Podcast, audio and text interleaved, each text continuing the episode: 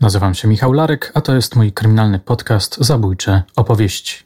Opowieść skazańca.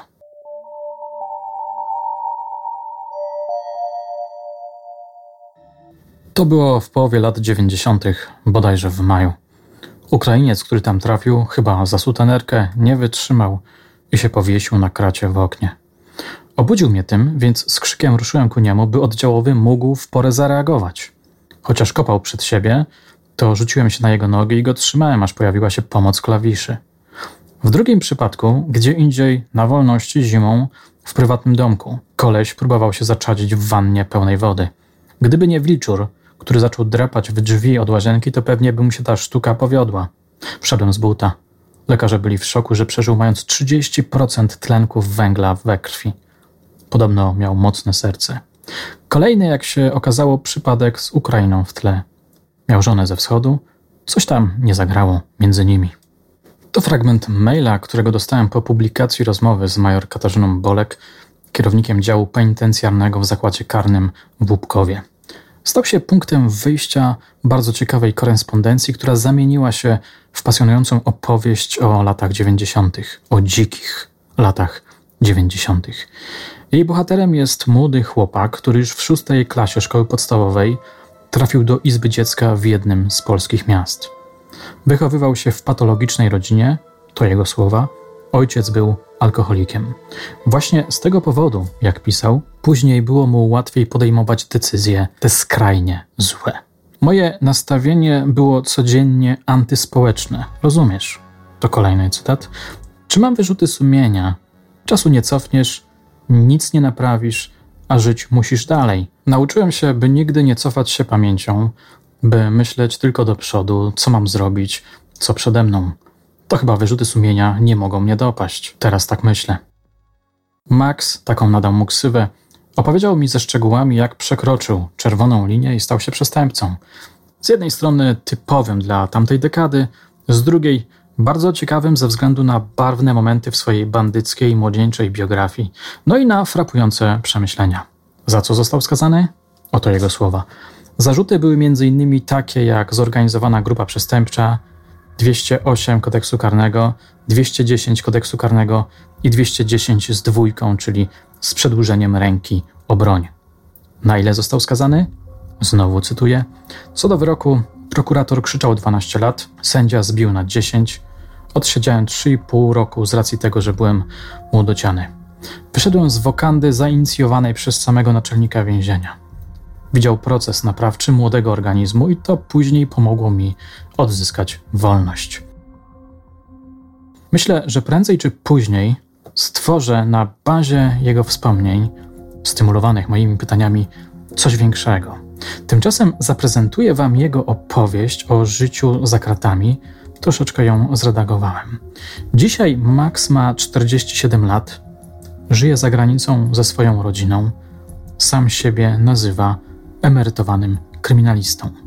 Mój podcast uruchomił jego pamięć, no i zaczął pisać do mnie. Po tej Twojej rozmowie z panią major Bolek dopadła mnie chęć, by parę spraw wyjaśnić z psychologicznego punktu widzenia. Ona dokładnie wie, z kim ma do czynienia, naprawdę. To, że każdy tam jest narcyzem, było trafione. Korzystając z okazji, pozdrawiam panią major i dziękuję za niezwykle inspirującą współpracę. Moje drogie, moi drodzy, posłuchajcie.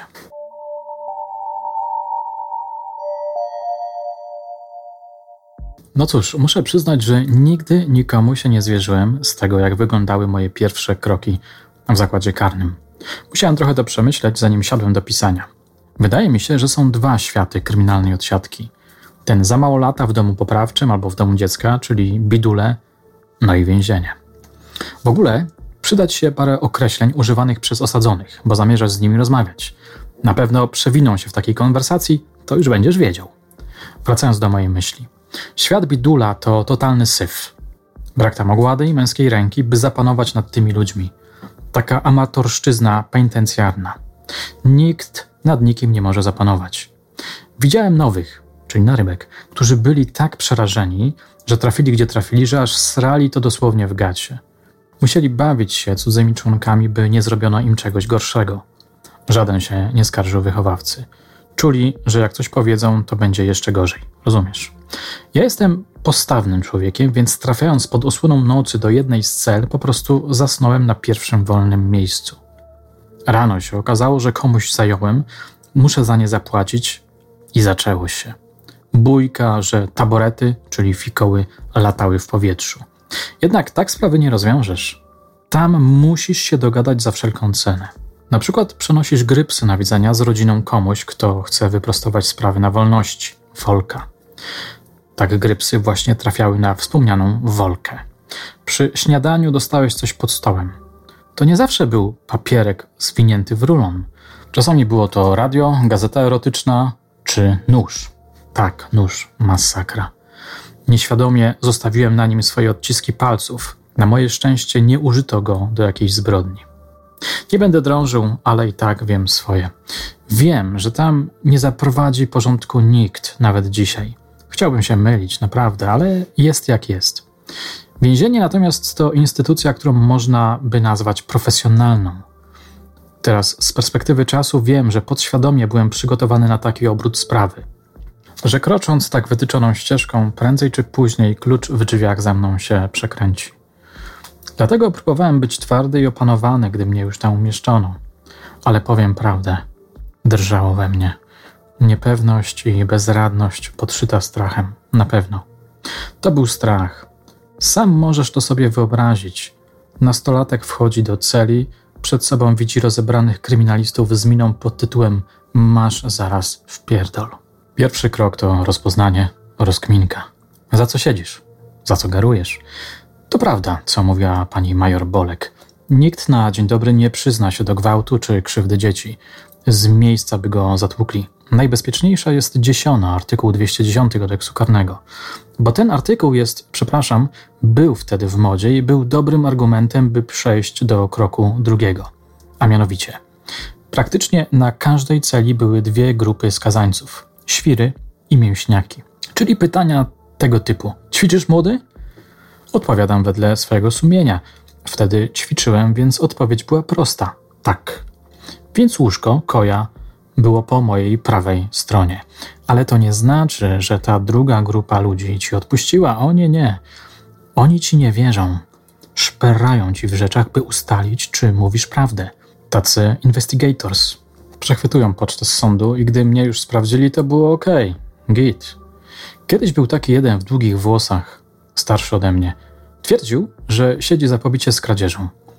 Każdą pocztę czytał na kibelku, bardacha i tam ją niszczył. W końcu przeczytaliśmy jego zarzuty.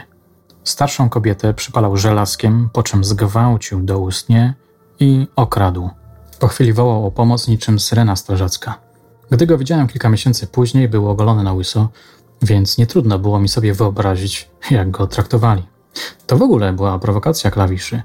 Bardzo szybko zareagowali na jego krzyki wtedy i go wyciągnęli spod celi. To areszt śledczy, śledczak i pewien prokurator, prorok, chciał jego przyznania do winy, więc rozumiesz, było im to na rękę. W więzieniu najbardziej dokuczała mi samotność i chęć przytulenia do mojej ówczesnej dziewczyny, która do złudzenia przypominała Anitę Lipnicką. Wtedy w radio, betoniara, grali jej hit Zanim zrozumiesz, praktycznie codziennie. Możesz sobie wyobrazić, jak młody, zakochany chłopak wtedy się czuł. Jak u dentysty nie przymierzając. Żart.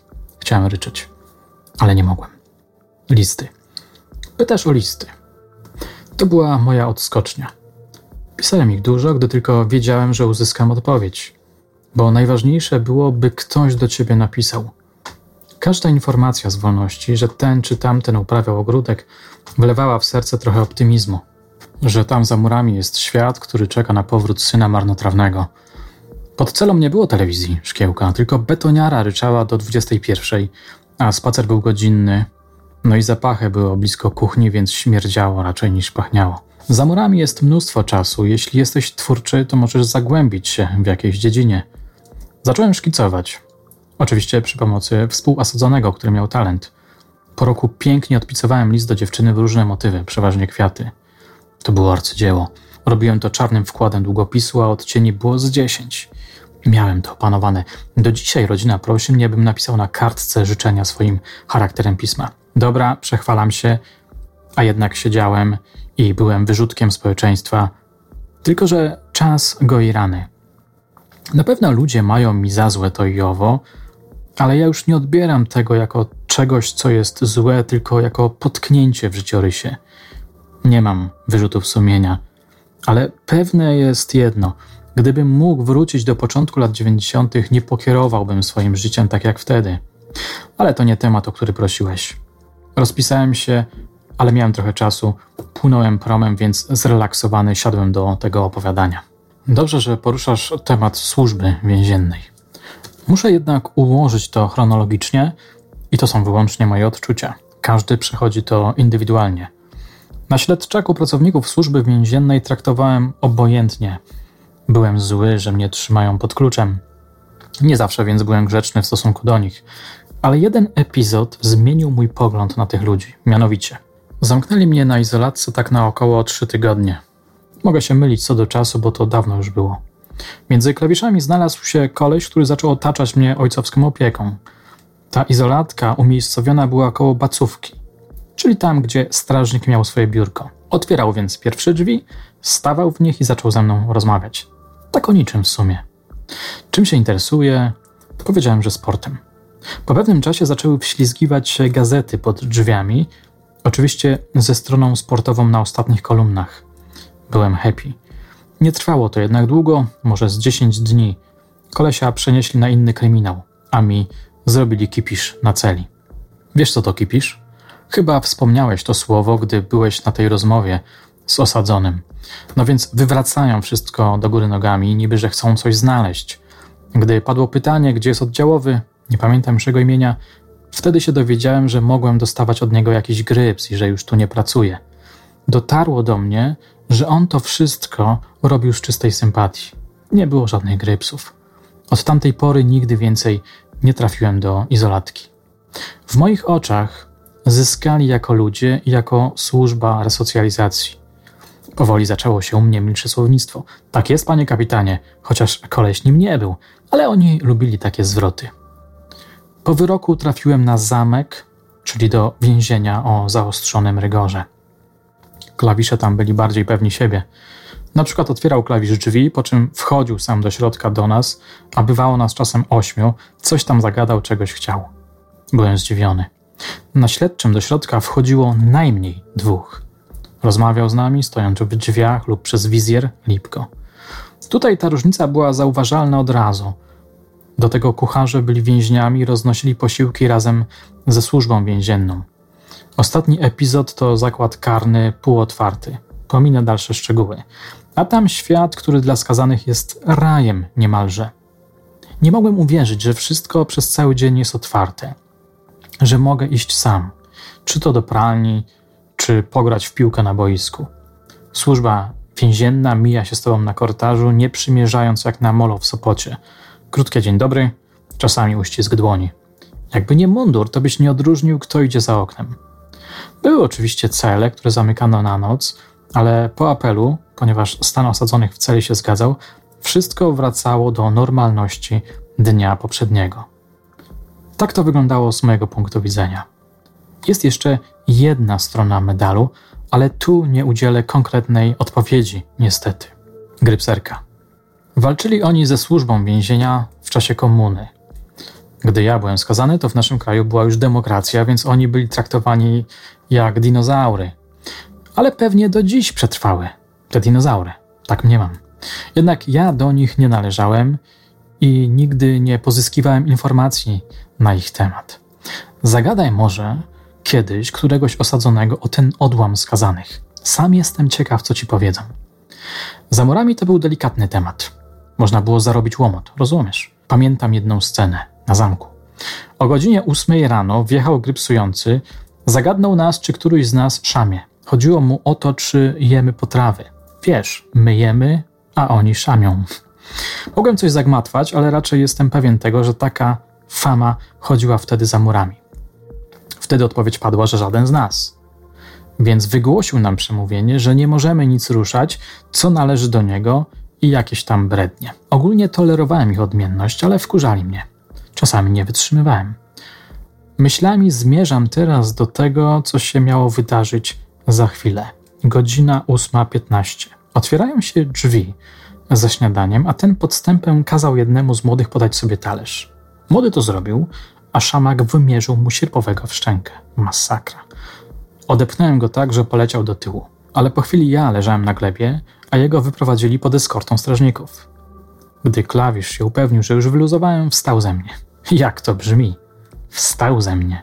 Pamiętaj, w kryminale jest taka niepisana zasada, że nie możesz użyć zwrotów czy słów, które brzmią dwuznacznie, jak to powyżej, albo fajka, czyli papieros. To brzmi niebezpiecznie, bo dwuznacznie właśnie. Ktoś do kogoś na ulicy krzyczy: Daj mi fajkę. W więzieniu oznacza to: obciągnij mi. Rozumiesz, do czego zmierzam? Jakby co, rozwinę kiedyś temat. Kończąc wątek tego grypsującego, to chciałem dodać, że oni nie czuli się dobrze jako jednostki.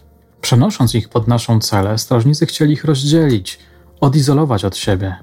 Gdy się orientowali, że są tu sami, to wytrzymywali tylko kwadrans. Pytasz, czy mury więzienne mają uszy? Otóż nie. To porządne blokowisko. Z celi nic nie wychodziło. No chyba, że było lato i okna były pootwierane na oścież. Taka prowizoryczna komunikacja istniała, lecz klawisze szybko reagowali.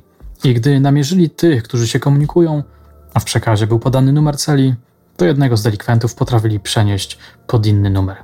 Numeracja była potrzebna, gdy siedzieli wspólnicy. Tak jak w moim przypadku. Kiedy próbowaliśmy ustalić wspólną wersję wydarzeń. Jak się dowiedziałem, gdzie jeden z nich siedzi, to przy następnym prysznicu, gdzie zdawałeś ubrania do pralni, podrzucałeś grypsik. Ziomek, który tam pracował, był więźniem i za trzy papieroski podsuwał karteczki do odpowiedniej celi, gdy kolejni chodzili się kąpać. Papieroski i herbata wówczas to taka waluta więzienna.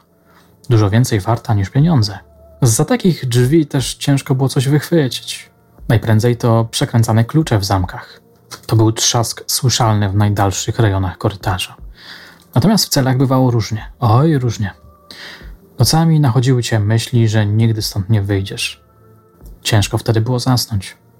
Jak siedzieli tam chłopaki, z którymi dobrze żyłeś, to było całkiem znośnie. Przekaz był, że się wspieramy w tej niedoli. Nocami nie można było za głośno rozmawiać, bo oddziałowy czuwał i upominał. Gdy prośby, a potem rozkazy nie działały, to potrafili wpaść na cele i odseparować gaduły. Gaduła musiał spakować mandżur i wychodził. Klawisze byli bezwzględni. Nie reagowali potem na prośby. Pokazywali nam właściwe miejsce przy każdej okazji. Gorzej było, gdy się nie dogadywałeś z pozostałymi. Szczególnie z tymi, którzy w danej celi byli od dawna lub którzy odsiadywali już sporo lat. Dochodziło do krzyków lub szarpań za klapy. Jeżeli było ci z danymi osobami nie po drodze, to zgłaszałeś przy porannym apelu, że chcesz się widzieć z wychowawcą i on rozwiązywał problem. Zdarzały się też sytuacje, kiedy dorośli mężczyźni płakali jak dzieci. Dochodziło do nich, że spaprali sobie życie. Głowa nie wytrzymywała.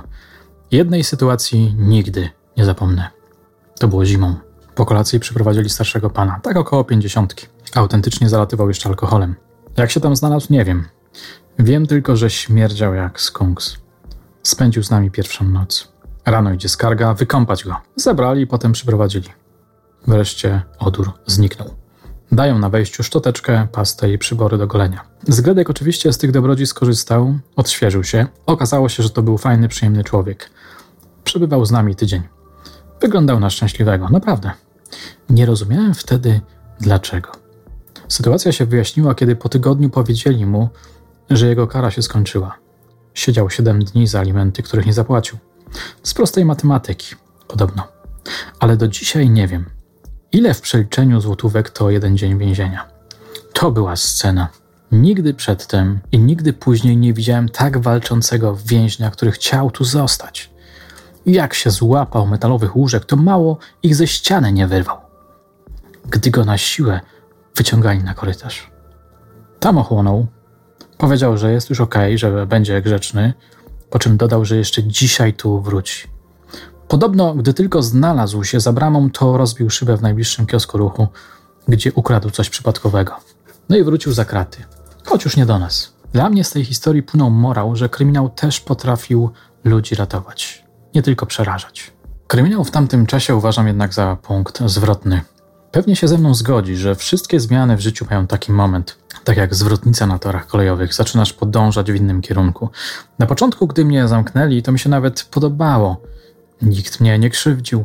Miałem dobry kontakt ze współwięźniami, klawiszami, wychowawcami.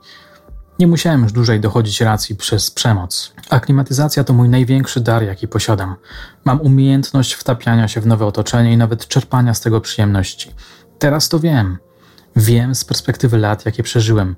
Wtedy tego nie wiedziałem, to się po prostu działo. Szybko nauczyłem się gwary więziennej, by komunikacja przebiegała bez niedomówień. Może nie na początku od siatki, może tak po pół roku.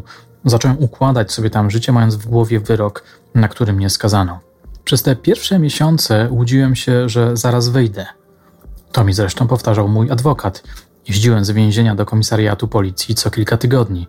Dwa razy dostałem trzy miesiące na śledczym i te ich zapewnienia. Jeżeli się przyznasz, to kara będzie mniejsza. Próbowałem mataczyć jak się tylko dało, ale niektóre sprawy wyszły już. Wyrok dostałem surowy, bo nie chciałem współpracować. Jednak wszyscy po wyroku wmawiali mi, że tak długo nie będę odbywał kary, że jestem mało lat. Ale ja postanowiłem ułożyć sobie tam w miarę normalne życie. Nie chciałem mazgajć jak dziecko. Kiedy we mnie wróciła wiara w człowieka, kiedy pojawiło się pragnienie, by być dobrym obywatelem, takie pytania mi ostatnio zadałeś. To była rozmowa z wychowawcą. Ci ludzie byli tam po to, by cię wysłuchać i słuchali. Próbowali wesprzeć też. Ja nie pamiętam dokładnie, co wtedy padło z jego ust, ale pamiętam, że potem zasnąć nie mogłem. Jeszcze mnie upewniał, że dłużej niż pięć lat nie posiedzę. Poczułem zastrzyk adrenaliny. Mówię do siebie, cholercie, niedługo wyjdę. Nie mogę być nieprzygotowany. Program Nowy Ja uruchomiłem w okolicach trzeciego roku od siatki. Coraz częściej dopytywałem się, jak tam jest za murami, czy łatwo zdobyć pracę i jaką. Dawano mi gwarancję, że jak będę się starał, to kurator mi zawsze pomoże. Nie lubiłem tylko, jak mnie matka odwiedzała. Płakała i biadoliła, a ja w tamtym czasie potrzebowałem czystej energii w postaci słów zachęty. Jeszcze raz do tego wrócę, do rozmów z wychowawcą, na którego trafiłem. Budowały mój optymizm i moją odwagę. Byłem aż tym podniecony. On mi wmawiał ten dom, to drzewo, że tak trzeba. Siedząc w więzieniu, tak naprawdę trzeba się skupić na tym, co teraz, a nie bujać w obłokach. Po pierwsze, to nie pomoże ci wyjść, a po drugie, powoduje rozdrażnienie i niecierpliwość, a ta doprowadza do stresu. Sypie ci się głowa w żargonie ulicy. Dlatego ja do dzisiaj mam tak, że nie bujam w obłokach, a raczej stąpam twardo na tym, co mam pod nogami. Pozdrawiam i do następnego razu.